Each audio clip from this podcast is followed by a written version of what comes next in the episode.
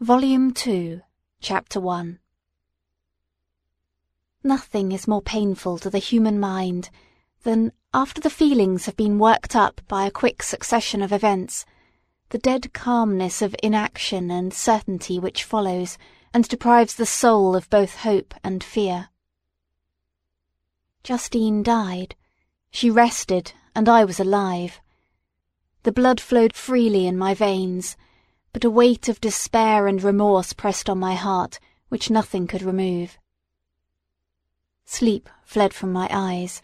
I wandered like an evil spirit, for I had committed deeds of mischief beyond description horrible, and more, much more, I persuaded myself, was yet behind.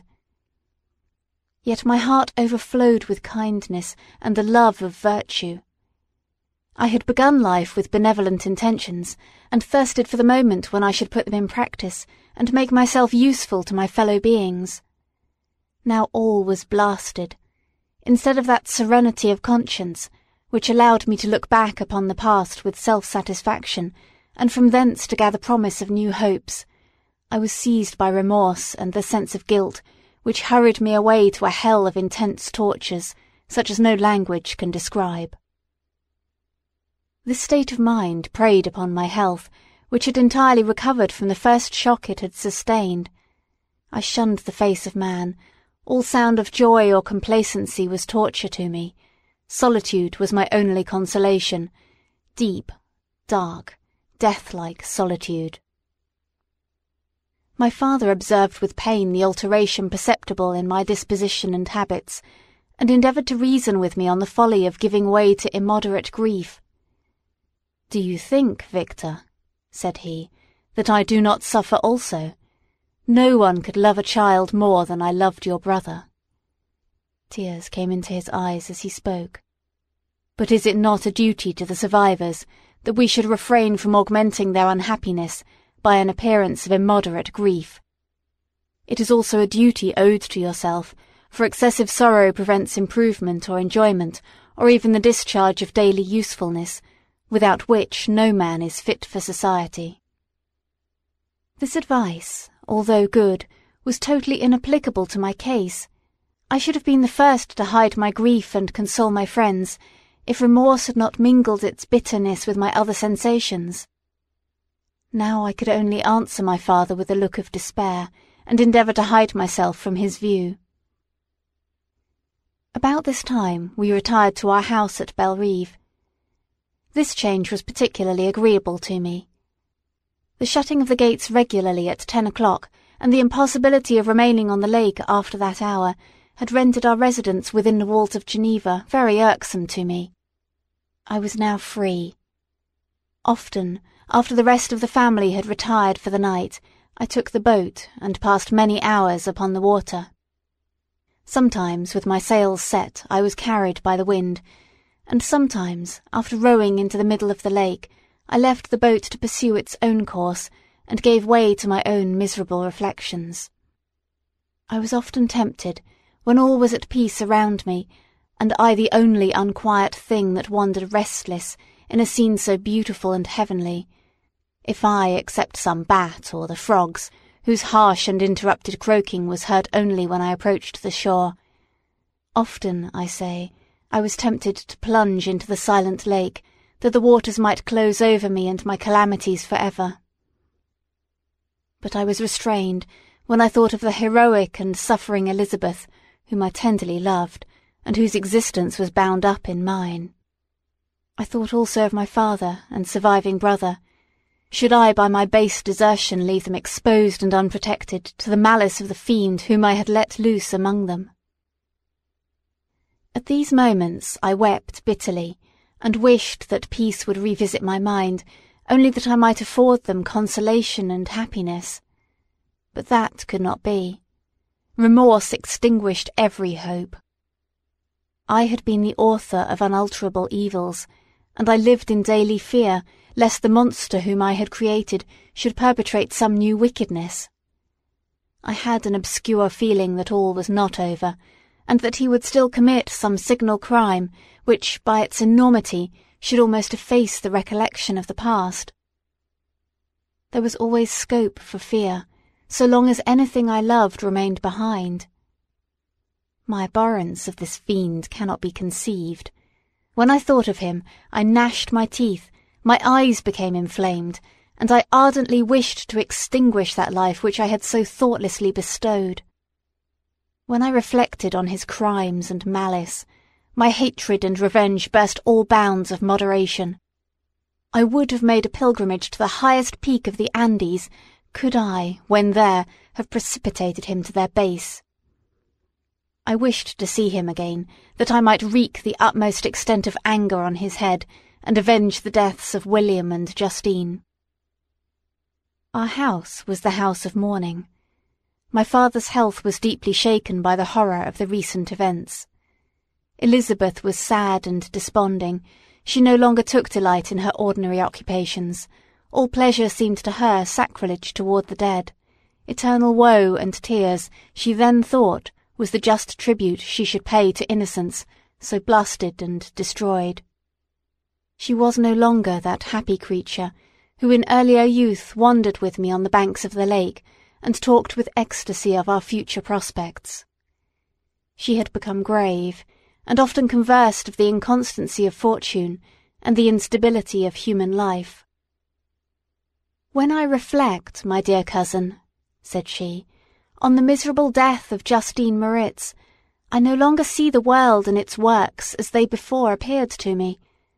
Before I looked upon the accounts of vice and injustice that I read in books or heard from others as tales of ancient days or imaginary evils. At least they were remote and more familiar to reason than the imagination. But now misery has come home, and men appear to me as monsters thirsting for each other's blood. Yet I am certainly unjust. Everybody believed that poor girl to be guilty, and if she could have committed the crime for which she suffered, assuredly she would have been the most depraved of human creatures. For the sake of a few jewels, to have murdered the son of her benefactor and friend, a child whom she had nursed from its birth and appeared to love as if it had been her own. I could not consent to the death of any human being, but certainly I should have thought such a creature unfit to remain in the society of men. Yet she was innocent. I know, I feel she was innocent. You are of the same opinion, and that confirms me. Alas! Victor, when falsehood can look so like the truth, who can assure themselves of certain happiness? I feel as if I were walking on the edge of a precipice towards which thousands are crowding and endeavouring to plunge me into the abyss.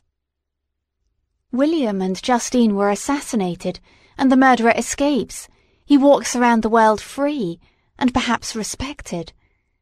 But even if I were condemned to suffer on the scaffold for the same crimes, I would not change places with such a wretch.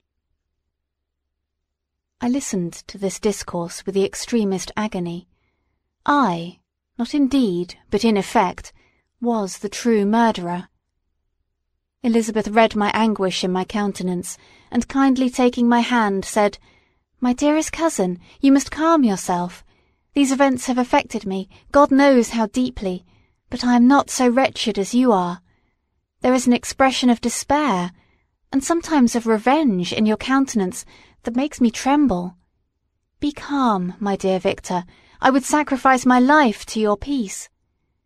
We surely shall be happy, quiet in our native country and not mingling in the world. What can disturb our tranquillity? She shed tears as she said this, distrusting the very solace that she gave, but at the same time she smiled, that she might chase away the fiend that lurked in my heart. My father, who saw in the unhappiness that was painted in my face only an exaggeration of that sorrow which I might naturally feel, thought that an amusement suited to my taste would be the best means of restoring me my wonted serenity.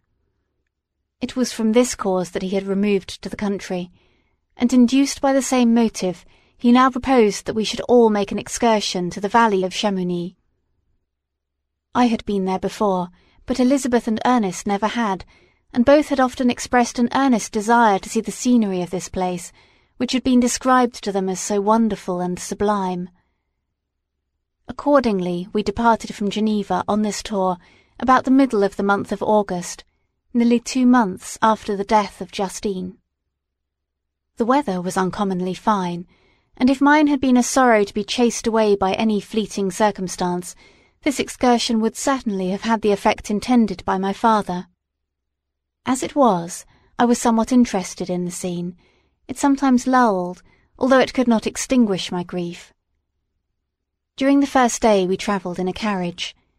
In the morning we had seen the mountains at a distance, towards which we gradually advanced. We perceived that the valley through which we wound, and which was formed by the river Arve, whose course we followed, closed in upon us by degrees, and when the sun had set, we beheld immense mountains and precipices overhanging us on every side, and heard the sound of the river raging among rocks, and the dashing of waterfalls around.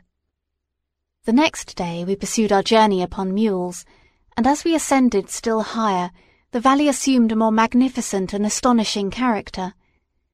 Ruined castles hanging on the precipices of piny mountains, the impetuous Arve, and cottages every here and there peeping forth from among the trees, formed a scene of singular beauty. But it was augmented and rendered sublime by the mighty Alps, whose white and shining pyramids and domes towered above all, as belonging to another earth, the habitations of another race of beings. We passed the bridge of Pelissier, where the ravine, which the river forms, opened before us, and we began to ascend the mountain that overhangs it. Soon after, we entered the valley of Chamounix. This valley is more wonderful and sublime, but not so beautiful and picturesque as that of Servox through which we had just passed. The high and snowy mountains were its immediate boundaries, but we saw no more ruined castles and fertile fields. Immense glaciers approached the road, we heard the rumbling thunder of the falling avalanche and marked the smoke of its passage. Mont Blanc, the supreme and magnificent Mont Blanc, raised itself from the surrounding aiguilles, and its tremendous dome overlooked the valley. During this journey I sometimes joined Elizabeth and exerted myself to point out to her the various beauties of the scene. I often suffered my mule to lag behind, and indulged in a misery of reflection. At other times I spurred on the animal before my companions, that I might forget them, the world, and more than all, myself. When at a distance, I alighted, and threw myself on the grass, weighed down by horror and despair. At eight in the evening I arrived at Chamounix. My father and Elizabeth were very much fatigued. Ernest, who accompanied us, was delighted, and in high spirits. The only circumstance that detracted from his pleasure was the south wind, and the rain it seemed to promise for the next day. We retired early to our apartments, but not to sleep. At least I did not. I remained many hours at the window, watching the pallid lightning that played above Mont Blanc, and listening to the rushing of the Arve, which ran below my window.